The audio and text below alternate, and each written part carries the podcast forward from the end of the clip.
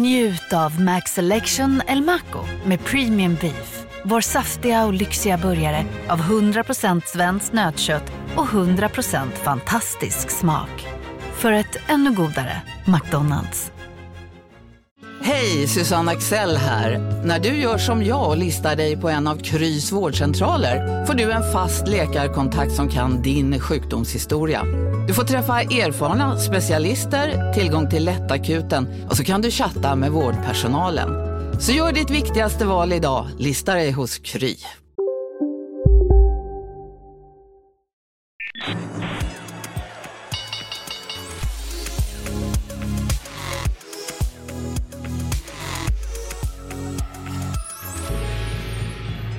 Det är fredag, det är Black Friday och ett nytt avsnitt av Marknaden. Och med i studion har vi Susanna Kas von Mentzer som är ränteförvaltare på Storbrand och Hampus Brodén, du är grundare av bolånegivaren Stabelo. Välkomna! Tack! Tack så mycket! Eh, och till er som lyssnar som vanligt, eh, man kan ju lyssna på det här utan reklam om man föredrar det. Vi kör en kampanj nu som man kan testa riktigt billigt och det kan man göra på monopol.se alltså. Tanken är ju att vi ska avhandla grejer som har hänt i veckan. Jag måste säga att jag är fortsatt väldigt, väldigt fascinerad av den här Tesla-strejken. Har ni hängt med någonting i den eller? Ja, den har man ju följt lite från sidlinjen. Är det något som liksom engagerar er på, på något plan eller?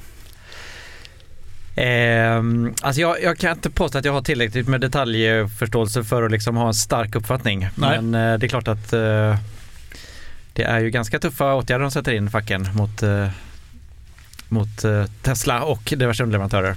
Har, har du hängt med där? Inte jättemycket, men absolut, man har ju följt lite från, från sidlinjen. Ja, vi får se. Eh, det kanske blir ett återbesök av strejken i marknaden eh, nästa vecka. Vi får se. Men idag ska vi prata om Riksbankens efterlängtade besked och den svenska bostadsmarknaden. Efter det här. Marknaden sponsras av SPP och Storebrand Asset Management. Eh, Storebrand och SPP hör ju ihop sedan många år och utan att gå in på detaljerna här och nu så kan jag i alla fall säga att Storebrand förvaltar över 1200 miljarder kronor, bland annat åt just SPP. Och jag träffade Storebrand nyligen för att prata om Kina. Kina har ju blivit en sån otroligt viktig del i omställningen av energisystemet. Över 70 procent av värdekedjorna inom vind och solkraft kontrolleras av Kina, vilket är helt häpnadsväckande när man tänker på det. Och Det handlar om att Kina väldigt tidigt insåg att energi är makt och att man genom sol och vindkraft kan göra sig mindre beroende av att importera olja och gas. Then if you think that tomorrow or today's you know, power base is going to in a large part be about renewables, then obviously having a stranglehold on those renewables and all the technologies that go into it is going to be part and parcel of that power play. Det här är Philip Ripman som ansvarar för Storbrand Global Solutions, en fond som investerar i lösningsbolag över hela världen. Eh, den här intervjun om Kina och geopolitiken som liksom är invävd i den här globala omställningen eh, den släpper vi som ett bonusavsnitt i vår podd Kapitalet, alltså vecka 11. Mer information om Storbrand Asset Management det kommer vi få i kommande avsnitt. Ja, eh, Riksbankens räntebesked kom ju igår. Man lät räntan ligga kvar, eh, vilket väl låg hyggligt i linje med vad man trodde, eller Susanna? Ja, så det var ju ganska osäkert eh, läge då inför det här beskedet och marknaden var, den, den var mer splittrad, splittrad än vad den har varit på, på länge och man prissatte ungefär ja, det var lite, eh, lite eh, högre sannolikhet för en paus än, en, eh, än ytterligare en höjning. Det var några banker som hade gissat att man skulle fortsätta höja. Mm. Det finns liksom prestige i det här att folk skäms nu för att de hade fel. Det hoppas jag verkligen inte. Det är bra att bankerna har lite olika vyer och bedömningar för att ja, men det blir en intressantare diskussion. Det är, inte, det är inte roligt att gå in i ett riksbanksbesked där alla tycker samma utan det ska vara lite, det blir mer spännande så. Men, men absolut, nej, nej det tror jag absolut inte fallet att det är någon som sitter och skäms nu. Jag hoppas jag dör. Definitivt inte. Men hade ni på Storbrand någon, någon vy? Eller? Vi hade absolut. Vi, vi hade pendlat lite fram och tillbaka och vi var eh, lite splittrade inom teamet också. Eh, men vår konsensusvy var faktiskt att vi trodde att det skulle bli en, eh, en höjning.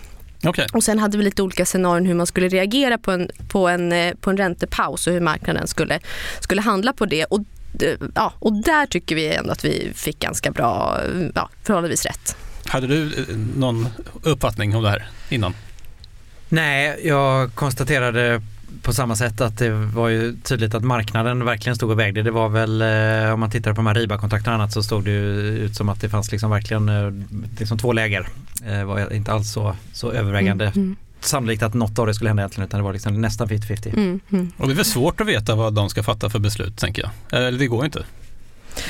Det är svårt och det är en ny direktion och, och sådär så att eh, absolut det är men, men, varför lämnar man räntan oförändrad då?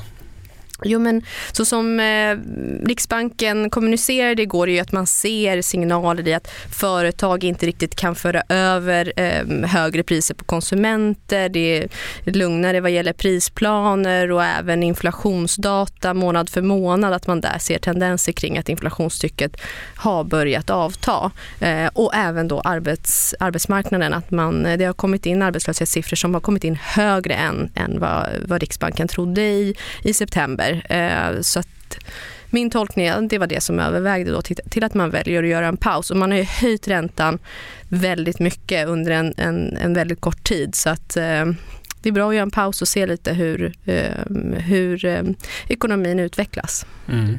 Jag, jag, skulle gissa också att Riksbanken själva är lite förvånade över hur pass liten effekt ränteökningarna har haft på konjunktur, huspriser, efterfrågan, den typen av variabler. Så att någonstans kan vi misstänka att de, att, att de lite grann oroar sig för att effekten kommer med viss eftersläpning mm. och att det är då läskigt att mm. liksom ta i från, från tårna liksom. Utan det, det, det, passar lite bra då kanske att pausa lite och se mm. om man kan eh, förstå mer av exakt vad de hittillsvarande höjningarna ger för effekt. Ja, men just, jag såg någon jämföra um, hur snabbt det har gått att höja räntan den här, den här gången jämfört med tidigare vad säger man, räntehöjningscykler. Mm, ja, mm. och, och det har gått rätt fort nu, eller hur? Det har gått väldigt fort. Och, och bra mycket fortare än det, än det har gått tidigare. Det, ja.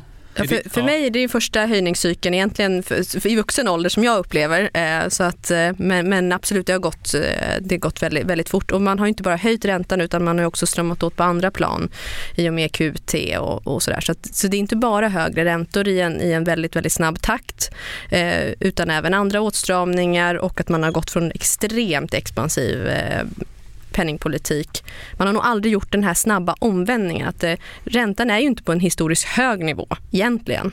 Men just det här skiftet från väldigt, väldigt låga räntor, QE, väldigt expansivt till eh, den här miljön vi är nu, åtstramande och höga räntor. Och sen också att man går in i åtstramningen med en extremt skuldsatt privat sektor. Men varför biter det inte då? Ja, den som hade ett bra svar på den frågan.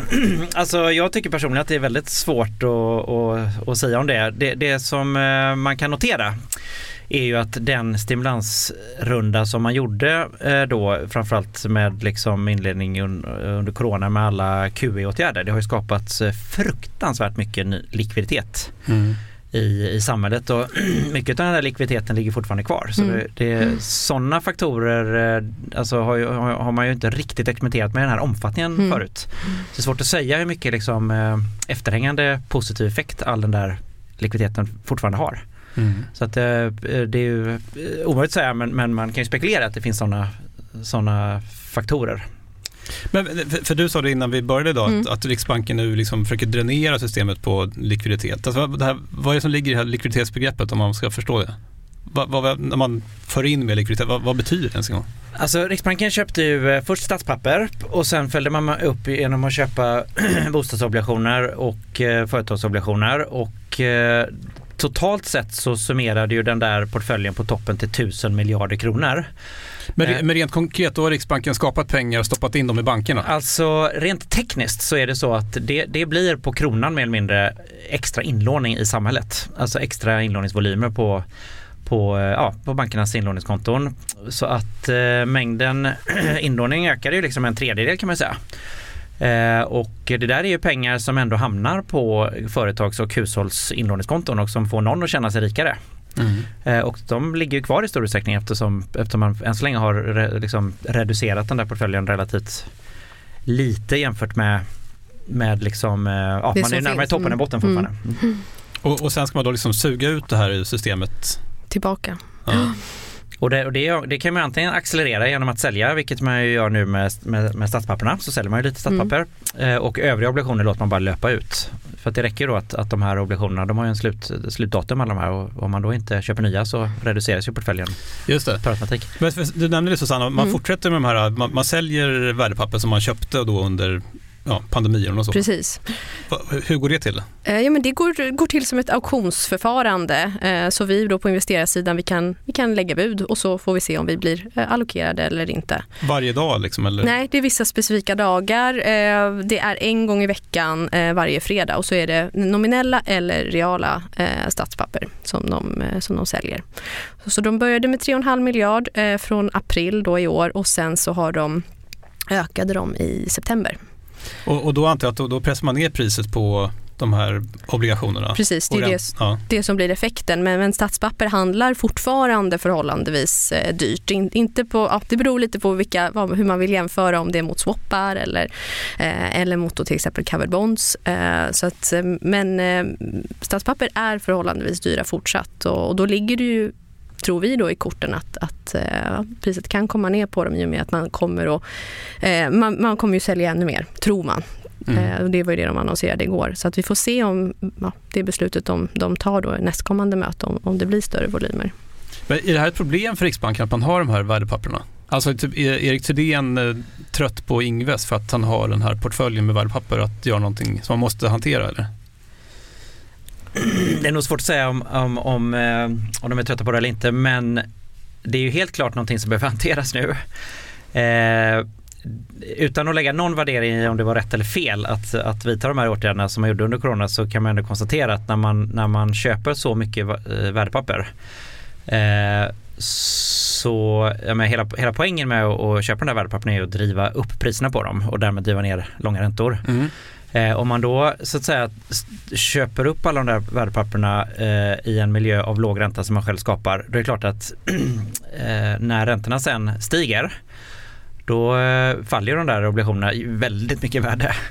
Så att det här med att, att Riksbanken fick be eh, staten om 80 miljarder i, i, eh, i liksom eh, kapitaltillskott.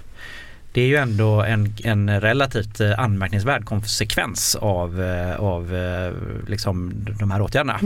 Och, och det var alltså för att de här värdepapperna man, man köpt har förlorat i värde? Helt och hållet. Man köper eh, 1000 miljarder i värdepapper på mycket, mycket låga räntor eh, och när de då eh, värdepapperna som har fasta löptider eh, när, när man sen höjer räntorna då blir liksom diskonterings- diskonterade nuvärdet av de framtida kassaflödena på de där obligationerna blir mycket lägre och eh, det gräver då ett, ett stort hål i, i liksom balansräkningen på, på Riksbanken. Så att eh, det är helt och hållet en effekt av de här QE. Så det är liksom en, försvarsbudget som man fick stoppa in i, i, från, från eh, från statens sida för att, för att, liksom, ja, för att, för att Riksbanken i Sverige inte får lov att ha negativt eget kapital. Då. Men, men där trodde jag många trodde att Riksbanken bara kunde hitta, liksom, täppa till det där med pengar de skapar själva på något sätt. Men, men det, så funkar det inte. Alltså i teorin kan de ju det. Och i många andra länder så får riksbanker eller centralbanker operera med negativt eh, eget kapital. Men så, så ser inte Riksbankslagen ut i Sverige utan här vill man att, eh, jag tror att det är för att Riksbanken ska anses värna sitt oberoende så Mm, ska man eh, liksom vara lönsam och ha, ha, ha eget kapital så att säga. Ehm, Å andra och- sidan så förlorar man beroendet om man måste gå till staten och, och be om pengar eller? Ja, i någon mening kan man ju säga det ja. absolut. Men man kanske, efter att man fått pengarna då så kan någon hävda att man har ett större oberoende igen då. Det blir ju ett politiskt beslut om de kommer och sen så får Riksgälden ett, eh, ett mandat att finansiera det här. Mm. Får man se hur det, ja, hur, hur det kommer att finansieras. Det vet man inte än. Utan det kommer ju i det, början det, av det, det, nästa har år. inte skett, det har inte skett än. Det är bara...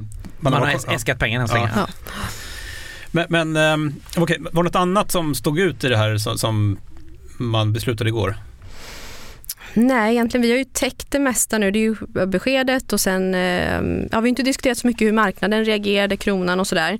Eh, jag var lite förvånad att kronan inte försvagades mer än, än vad den gjorde eh, faktiskt. Men eh, ja, eh, FX-rörelser är ju eh, är ju svåra att, härleda och så, så att eh, det kan ju vara den här riskonmiljön vi är i lite nu som egentligen påverkar kronan mer än, än vad förstås vad Riksbanken gör. Ja, för där har Riksbanken, man får nästan intryck av att, de har hittat på ett, ett till mål här. Men förutom inflationen så, så vill de också förstärka kronan. Och, och vilket hänger ihop då med inflationen får man ju tro. Det är väl mer det med att man har sett att eh, kronförsvagningen har haft större inverkan på inflationen i en sån här höginflationsmiljö än i en låginflationsmiljö kan man, kan man resonera kring. Men, eh, men de har ju, nu kommunicerar de inte jättemycket tycker jag kring kronan men tidigare möten har de ju varit väldigt kommunikativa och även emellan möten diskuterat kring att det är problem att kronan är, är så svag. Och den mm. har ju stärkts mycket och den har ju stärkts mer än, än, vad, de, än vad de trodde i september. Så det har absolut varit en, en gynnsam utveckling eh, hittills. Samtidigt, jag, jag läser lite i, i, det här som Riksbanken publicerade igår. De, de, de gjorde en studie av hur, hur inflationen påverkas av den svaga kronan. Det verkar inte vara jättelätt att liksom fastställa de där sambanden, eller hur? Det är svårt, absolut. Okej, och, och sen så, vad, vad hände då med, med eh, med marknadsräntorna? Mm. Nej, men vi fick ju den initiala rörelsen där att, att korta räntor, de allra kortaste, eh, sjönk ju givetvis. Då, där tog man ju bort i princip hela då prissättningen för, för ytterligare en höjning. Så där har marknaden i princip ja, tagit bort. Eh, man har några punkter prissatt då för februarimötet men, men det är inte, inte mycket mer än så. så att de den då halv, 50% sannolikhet som man ungefär eh, prissatte inför mötet tar man ju då bort. Var, var det dåligt för mina korträntefonder eller? Både ja och nej, det beror lite på eh, eh, var de ligger i duration och sådär. Men eh, ja, jag tycker att det varit en, en, ja, en förhållandevis bra marknad även, även efter, efter mötet. Mm. Men det är klart, Stibor, eh, prognoserna på framtida då, eh, Stibor-fixningar blir lite lägre än vad man, så själva basräntan blir lite, lite lägre än vad man trodde inför. Just det. Vi, vi ska prata lite bostadspriser sen. Mm. Bostadsmarknaden underbyggs ju av de här säkerställobligationerna som är ja, obligationerna som bankerna ger ut för att ja, finansiera bostäderna helt enkelt. Vad, vad, händer, vad händer med dem? Hur påverkas de av det här? Den rörelsen var ändå förhållandevis modest och då brukar man titta på spreadar och hur de, hur de utvecklas. Så det är egentligen ingenting nytt så eh, som vi såg från, från mötet igår. Det har varit ganska lugn ändå marknaden. Man tog bort sannolikheten då för, för en, en höjning i februari och, och så kom långräntor upp en, en, bit men det var mer drivet av det som skedde i Europa. Eh, man fick in eh, tyska PMI-siffror som var lite högre än väntat och så. Det var längre, tyska räntor helt enkelt som, som drev den rörelsen. Eh, så att egentligen ingenting som, som jag såg på beskedet vad gäller då eh, covered bond-marknaden som, som stack ut. Tror ni att folk, är, är, är, vi vana vid höga räntor nu eller? Har vi kommit till en punkt där man liksom, nu är det, nu, nu är det så här och det är lugnt? Alltså jag tror att många, särskilt lite yngre hushåll, vande sig lite grann, eh, kanske lite, lite för mycket med, vid, vid de låga räntorna. Jag tror att eh, det här blir en, eh, en påminnelse för vissa om att det faktiskt eh, är det här som är kanske den mer normala räntenivån mm. än de som vi haft under ganska många år nu. Och, och, det där hänger väl ihop med liksom bostadslånen, men om man tittar på liksom sparandet, har spar, ser ni att sparbeteendet har förändrats? Du var inne på, vi smsade lite innan och du, du sa att folk har pengar på sina bankkonton fortfarande. Ja, men jag tittade faktiskt lite grann på det igår eh, eh, liksom inför att vi skulle prata om de här bitarna idag och eh, det är fortfarande så att det är 80% ungefär av hushållsinlåningen som ligger på då så kallade Avista-konton och de ger ju allt väsentligt 0% ränta då. Eh, och givet att du nu utan allt för stor ansträngning kan få liksom 4 mer eller mindre i ränta på antingen om du stoppar in dem på ett, ett konto som är, som är liksom uttryckligen ett sparkonto eller för den delen om du stoppar pengarna i en korträntefond. Mm. Det är ju eh, ett väldigt bra sätt att, att, få eh, marknadsräntan istället för att sitta och få alldeles för lite ränta eh, till en mycket låg risk. Eh, och, och, men, men som sagt 80 av, av inlåningen ligger kvar på de här Avista-kontona och eftersom inlåningen är liksom, vad är siffran nu, säg att den är från hushållen kanske 2,5 2500 eh, miljarder så har du 80 gånger det. det. Det är en ganska bra eh, liksom, sudd pengar och multiplicerar det med 4% så inser man att det är många tiotals miljarder som hushållen för tillfället går miste om genom att, eh, att liksom, eh, låta pengarna ligga och skräpa på, på konton som inte har ränta.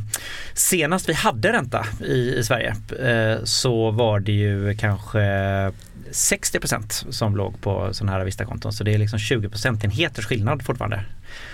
Eh, nu. Och det är ju otroligt eh, onödigt för att det är liksom, det summerar eh, hur mycket pengar hushållen skulle tjäna bara på att gå tillbaka till 60% så det är ju liksom eh, hela el, elbidrag och så Ja. från förra året som, som eh, ryms inom de beloppen. Så, att, så att, eh, det är ju en väldigt eh, stark rekommendation till, till alla hushåll som, som har någon liksom överskottslikviditet att inte slarva med och liksom se till att de ligger på, på, på ett vettigt sparkonto eller för den delen i en eh, penningmarknadsfond. Men kan det inte vara så att eh, liksom, tillsammans så är det väldigt mycket pengar men var och en har så lite pengar som man, man tänker att det, liksom, det gör inte så stor skillnad. Alltså slår man ut det där beloppet som ligger på Vista-konton och så delar det på liksom hur många eh, kontoinnehavare det borde finnas i Sverige, då blir, då blir det där beloppet väldigt, väldigt stort.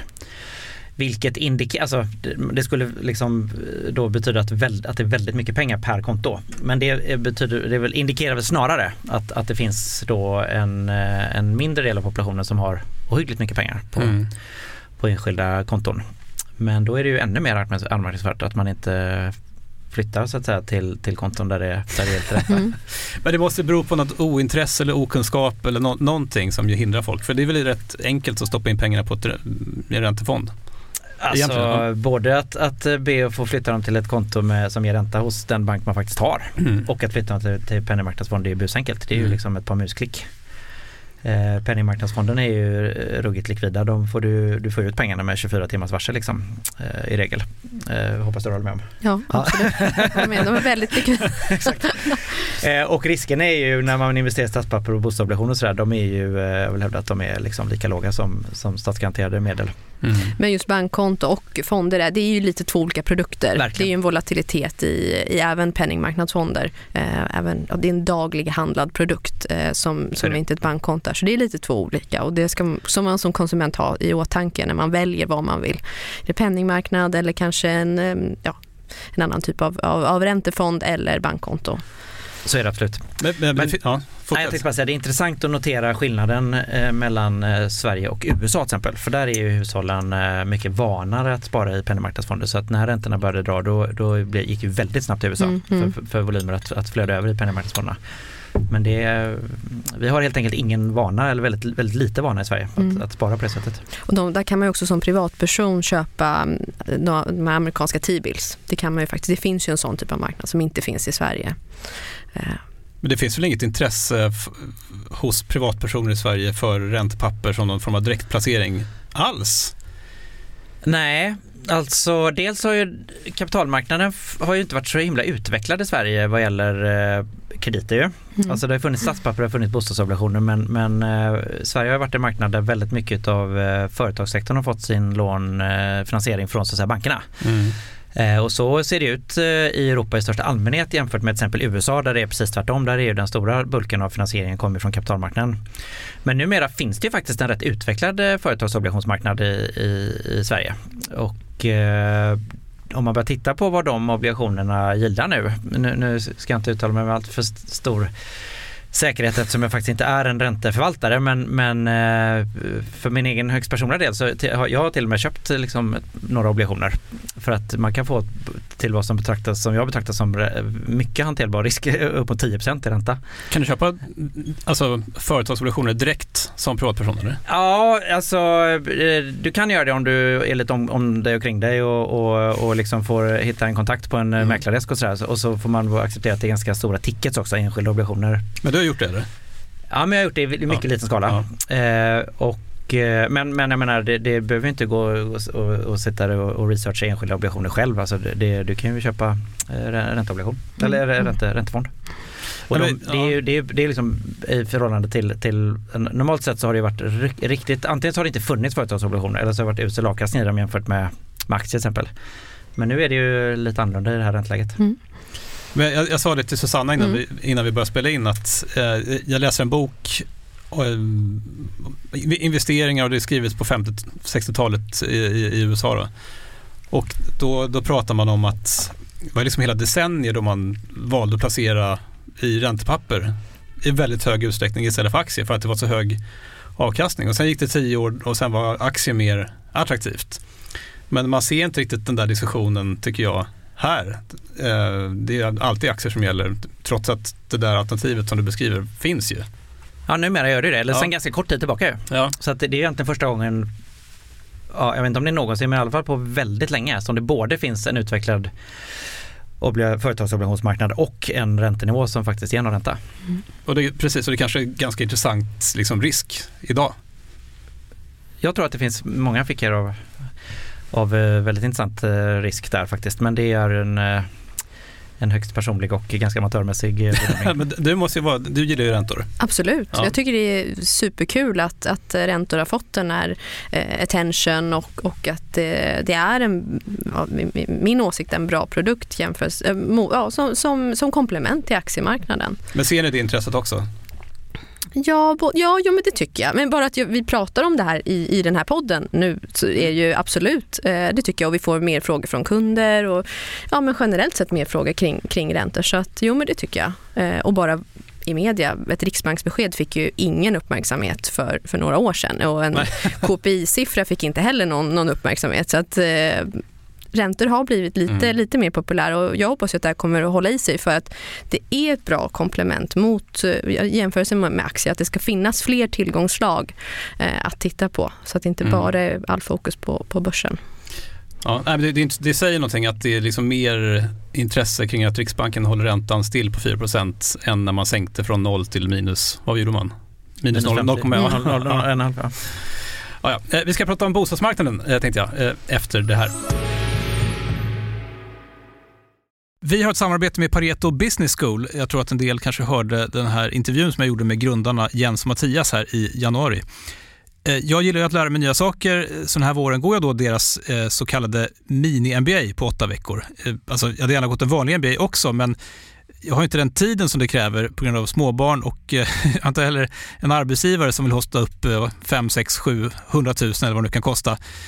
Det är jag som är arbetsgivaren, så kanske lite snål. Men det är också det här som är Jens och Mattias idé. Eh, för de har startat den här utbildningen just eftersom det finns ett gigantiskt hål mellan typ YouTube-filmer och en riktig MBA.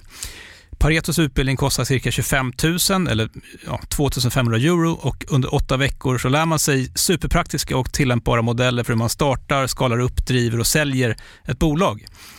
Eh, Jens och Mattias är ju båda entreprenörer och håller själva i många av föreläsningarna och så har man ett gäng gästföreläsare från olika bolag typ en kille som var expansionschef på Spotify, en tjej som kört marknadsföringen på Revolut, en kille som driver Sveriges största campingkedja och en helt otrolig kille som, som drivit eh, olika bolag i Vietnam. Eh, kursen består av en blandning av eh, förinspelade moment och alltså seminarier, alltså typ liveseminarier och man går i kohorter tillsammans med ett antal andra deltagare från Sverige och utlandet.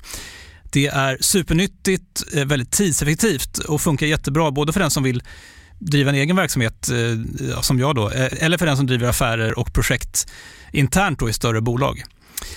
Nästa kohort startar den 5 april, så vill du ta ett kliv framåt i karriären, gå till din arbetsgivare och kolla om du inte kan gå den här utbildningen i vår. Priset ligger på 2500 euro, men ni får 10% rabatt om ni anger Monopol Media som referens när ni anmäler er till kursen. Och Det gäller också dina kollegor förstås. Så gå in och kolla på paretoschool.com. Där finns mer info om kurserna och eh, också lite smakprover från utbildningen om man vill känna eh, lite hur, hur det känns. då. Så missa inte den här chansen att lära dig nya saker och eh, ja, ta ett kliv i karriären och träffa andra likasinnade. Men tack säger jag till Pareto Business School. Det kom ju lite statistik eh, från eh, Hemnet i veckan, jag vet inte om ni följer det här. Ehm, om man kollar på marknaden i Stockholm så har vi ju sett eh, ett väldigt tydligt trendbrott i höst. I vanliga fall så brukar utbudet på bostäder gå upp efter sommaren och sen falla tillbaka under hösten. Jag har inte tänkt på det tidigare men det var väldigt, väldigt tydligt. I år så har dock utbudet av bostäder stigit under hösten och sen liksom fortsatt stiga och inte gått, inte gått ner. Då. Och det här exkluderar också eh, nyproduktion som, mm. som verkar vara hopplöst att sälja dessa tider. vad, vad tänker du om det här, Hampus? Nej, men vi har faktiskt ett, ett, ett avsnitt på stabelo.se, alltså Stabelos hemsida, som just är vikt åt olika typer av boprisindikatorer. Och eh, vi kan säkert prata mer om dem senare, men, men en av dem är precis det som du är inne på nu. Eh, det vill säga Eh, om man tittar på, inte absolut nivå på utbud på bostäder utan snarare årstillväxten. Mm. Så om du tar eh, tillväxten nu jämfört med, med eller, eller, om du tar utbudet i, nu jämfört med utbudet för 12 månader sedan.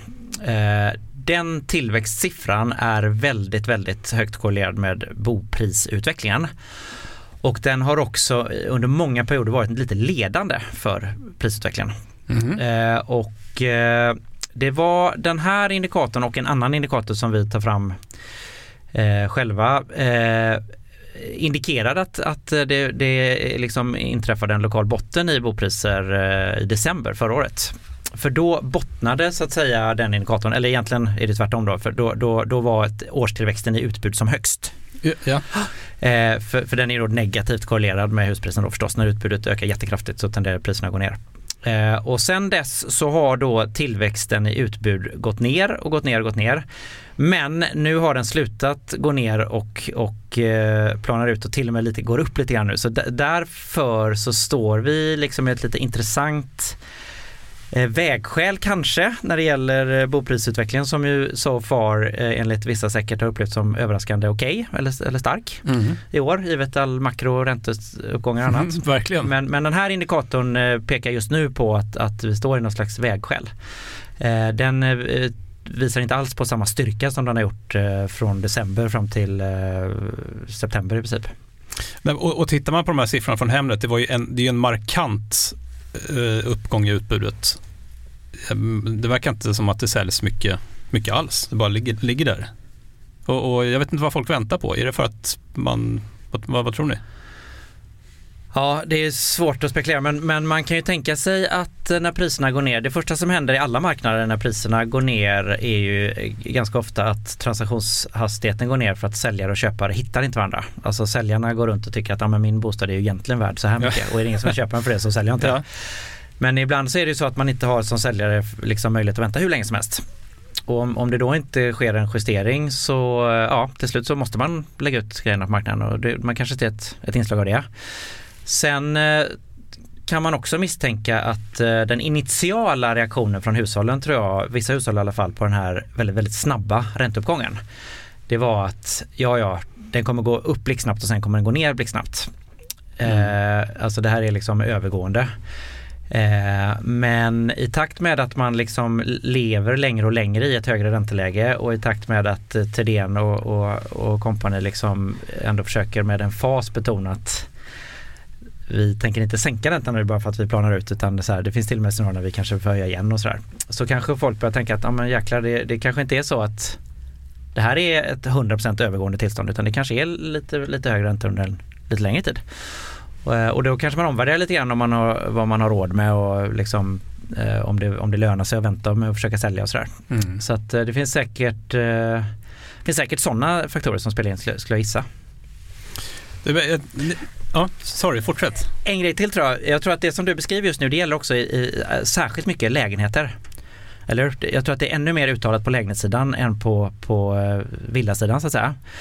Eh, och det tror jag också kan bero på att eh, väldigt mycket utav de kostnader som drabbade villaägare i form av elpriser och stigande räntor och sådär kommer mm. med en viss lagg mm. på, på lägenhetssidan. Eh, det är fortfarande väldigt mycket föreningshöjningar kvar mm. att göra i svenska bostadsrättsföreningar.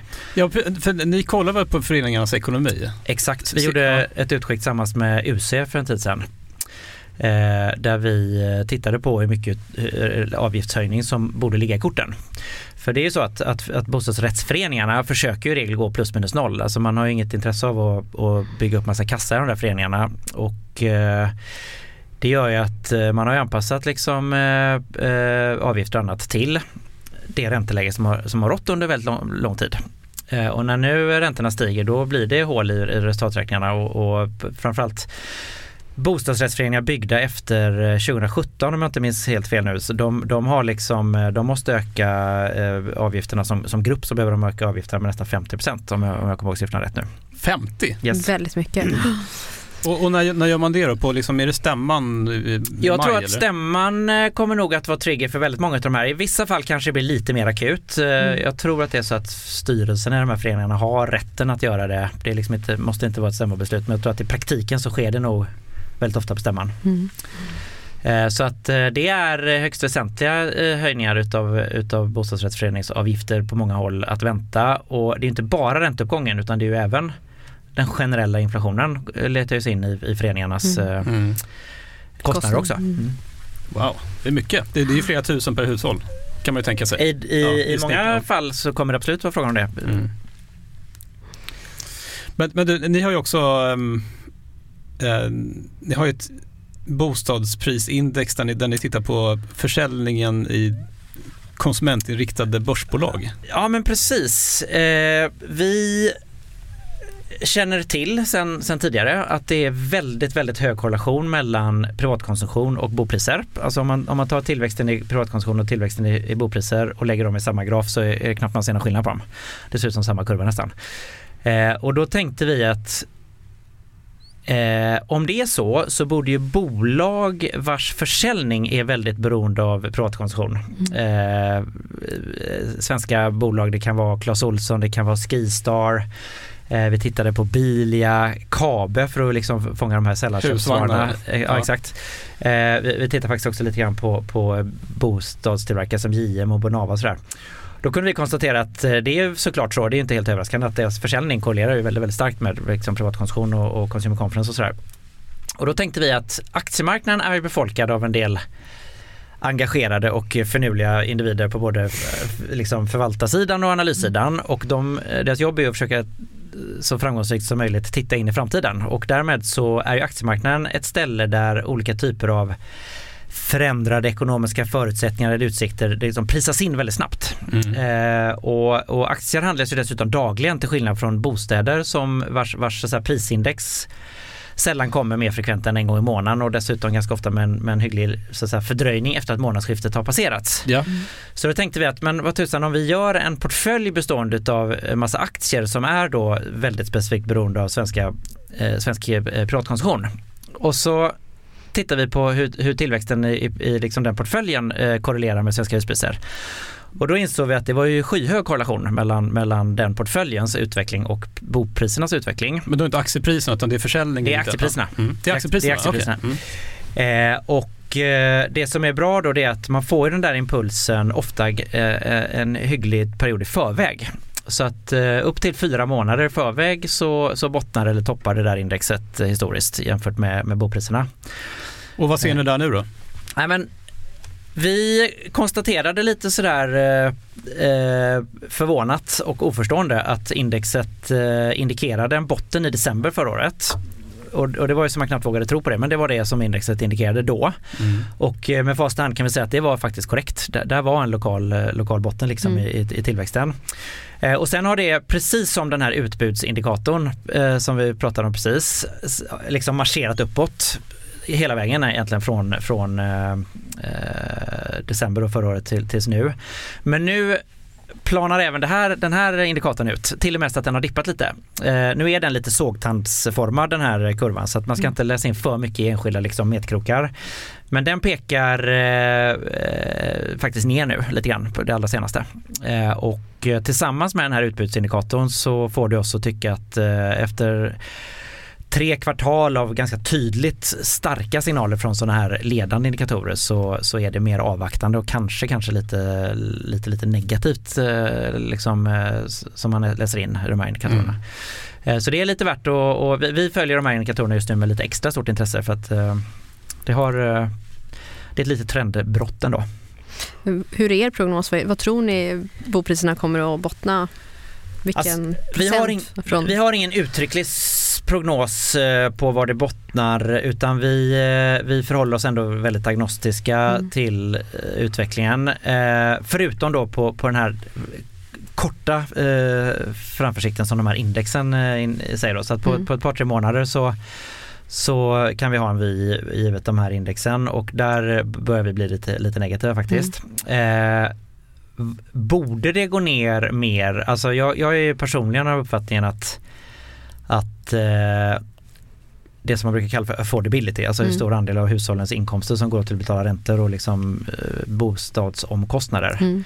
Den känns lite hög för att vara uthållig. Det är min Mm. personliga uppfattning. Jag, jag skulle tycka att det vore rätt naturligt om det kom ett litet ben ner till på, på bopriser. Mm. Mm. Men det är, det är samtidigt svårt att säga om. Det det är ändå så att corona gjorde ganska mycket med hushållens, eh, vad ska man säga, preferens kalkyl. alltså det är mer, jobbas mer hemifrån.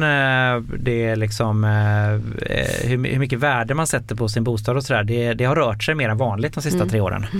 Så att, Men då borde något annat ha försvunnit ur konsumtionsmönstret i sådana fall? Det är någonting man inte lägger pengar på, då undrar man vad är det, vad är det då som man inte köper längre? Nej men verkligen och, och det, det, kan inte jag påstå att det har varit speciellt tydligt att man har dragit ner på något annat. Men, men det är väl lite sånt som, som gör att eh, det känns som att eh, det skulle inte vara helt överraskande om det finns ett, ett litet ben ner kvar mm. i, i bostadsmarknaden. Och då räknar man i reala termer, är ju, om det är några, ett par procent till så är ju utvecklingen för det tillgångslaget katastrofalt de här åren. Alltså precis som du säger med tvåsiffrig inflation så mm. blir ju real tillväxt eh, i bopriser väldigt negativ. Den är, mm. vad, vad kan det summera till? 25 ner ja. någonting. Ja, exakt. Eh, sen så tycker jag personligen att det här reala prisbegreppet det är väldigt relevant när man har inflation, inte bara på kostnadssidan utan även i löner. Mm. Alltså då blir liksom det här med, med, med reala boprisutvecklingen eh, kanske det mest relevanta måttet. Men eftersom vi haft eh, inflation eller, eller kostnadsökningar framförallt liksom i varor och tjänster och inte så mycket i löner så vet jag inte om det är, är lika relevant att säga att reala huspriser är ner en viss, alltså eh, jag, jag, jag tycker inte det är lika uppenbart. Mm, mm. Nej, men som tillgångslag om man jämför mot andra. Man har en öppen portfölj vad man får investera i och, och inte så, så, är ju tillgången, ja, fastighetssektorn blir ju väldigt, ja, tyvärr väldigt, en ordentlig nedgång. Absolut och eh, inte minst den delen av fastighetssektorn som är räntekänslig vilket mm. är en väldigt stor del. Mm. Den, den eh, Eh, ja, vi har sett vad som händer på kommersiella fastigheter. Så mm. det, det, är klart att mm. allt som är i stor utsträckning skuldfinansierat påverkas ju väldigt negativt av, av bara ränteuppgångar. Mm. Ja, och det är väl inte så heller att eh, med hushållens räntekostnader kommer inte gå ner nu bara för att räntan står still. Ja, men det är väl till och med du som sa att man kan tänka sig att, att alltså kostnaderna för att tillhandahålla bolån kommer fortsätta gå upp kanske? För att, för att man liksom gav ut de här obligationerna för tre år sedan. Då var ju räntan på, jag vet inte, hur såg ju räntan på en säkerhetsobligation ut då? Betydligt lägre än vad, den är idag. Så det är klart att det tar tid innan, innan alla de här effekterna kommer in på, på total nivå om man tittar på då finansieringssidan för, för hypoteksbolagen. Eh, och Hampus, det ser ju ni mycket, eh, vi, vi monitorerar marknaden men ni ser ju hands-on hur, hur det förändras och, och givetvis om man tittar på det som är depositbasen, det vi diskuterade tidigare, att om man ser att den blir mindre så är det också en andel av finansieringen som behöver gå ut i, i marknaden istället. Vilket man ändå har sett för att emissionerna på de här säkerställda obligationerna det har varit ganska stora volymer under det här året. Så att eh, det ser ut som att, att marknaden förbereder sig på eh, då att, att det kommer ett, eh, ja, att man, man helt enkelt emitterar mer för att man, man ser ett, ett ökat behov. Mm. Och, och, vad tror du, eh, nyfiken, eh, Riksbanken köpte ju ändå på sig ungefär 400 miljarder mm. i, i bostadsobligationer. Mm. Och eh, de låter man nu löpa ut. Det innebär mm. ju att eh, när de rullas då eller ska refinansieras så måste ju bankerna så hitta en annan köpare till dem. Så det är 400 miljarder där och sen så har det skapats 1000 miljarder i deposits eller inlåning och det är ju då eh, inlåning som i viss mån kan användas för att finansiera utlåning istället för att emittera bostadsobligationer. Mm. Mm. Så det är väldigt lätt att skissa på ett scenario där det kommer emitteras i ett historiskt perspektiv väldigt, väldigt mycket mm. bostadsobligationer framöver. Och det har det gjort, det har emitterats mycket Redan, bostadsobligationer i år. Ja. Och, och, är det er uppfattning att den rådande och, och i väldigt stor utsträckning kvarvarande så att säga, eh, höga emissions aktiviteten. Mm. Eh, är den reflekterad i, reflekterad i, i, i bostadsobligationsspreadarna nu eller tror ni att det kan gå ut ytterligare just för att det är så stora volymer framför oss som behöver emitteras? Jag skulle säga att jag tycker att marknaden har absorberat de här volymerna bra och vi ligger väl nu spreadmässigt om man tittar femårspunkten är en ganska populär punkt att titta på. Eh, så att ligger den kanske i mitten av rangen, det var ungefär 10 punkter eh, högre när det, när det var som, som mest stressad marknad och sen så gått ner ungefär 10 punkter när, när, det, eh, ehm, när marknaden går väldigt starkt. Så det, det, är ju väldigt upp och ner och en annan volatilitet än om man, eh, ja eh, givetvis eftersom det här är daglighandlat. Men, men jag skulle säga att vi är någonstans i mitten av rangen och att, att intresset ändå finns där. Och om man tittar till exempel mot spreaden ja då, mot statspapper, det är också en relation man tittar på. Hur går covered bonds mot staten? Så har ju den spreaden kommit ihop väldigt mycket eh, något som vi då kallar i, i, i facktermer stora bo. Så vi brukar titta då på hur då går femårsstad mot eh, femårsbostad. Eh, och, och, den spreaden har, har tajtat ihop helt enkelt för att statspapper har, har utvecklats sämre.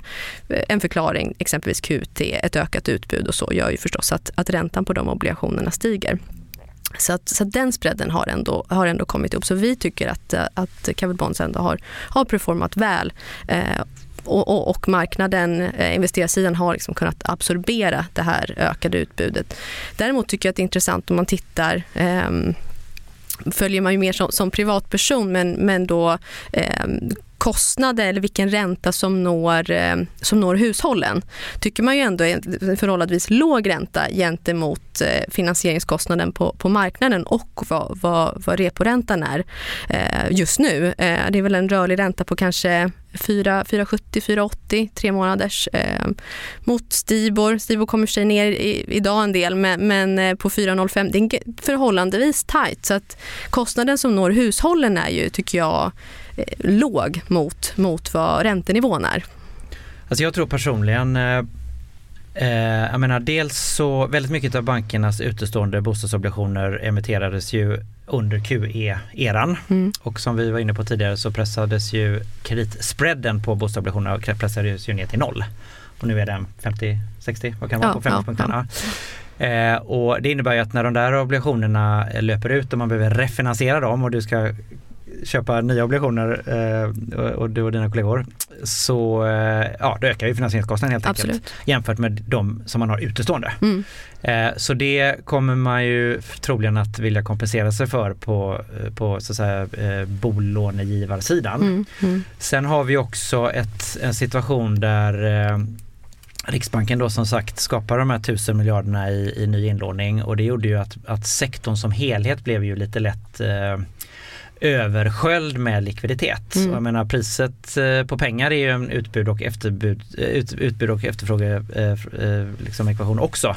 Så när det plötsligt kommer så mycket mer inlåning mm. så är det mm. klart att då, då kanske det är lättare att inte höja inlåningsräntorna så snabbt mm. när räntorna drar. Så jag tror att inlåningsräntorna kommer fortsätta stiga.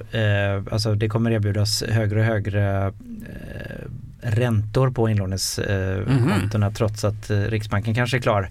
Eh, bland annat också för att man ser att marknadsandelarna nu på inlåningssidan rör sig på ett sätt som man typ aldrig har sett förut. Alltså, mm det, folk börjar liksom jämföra märker man och, mm. och inlåningsmarknadsandelar har historiskt sett varit väldigt stabila men de är inte så stabila just nu som de har varit historiskt.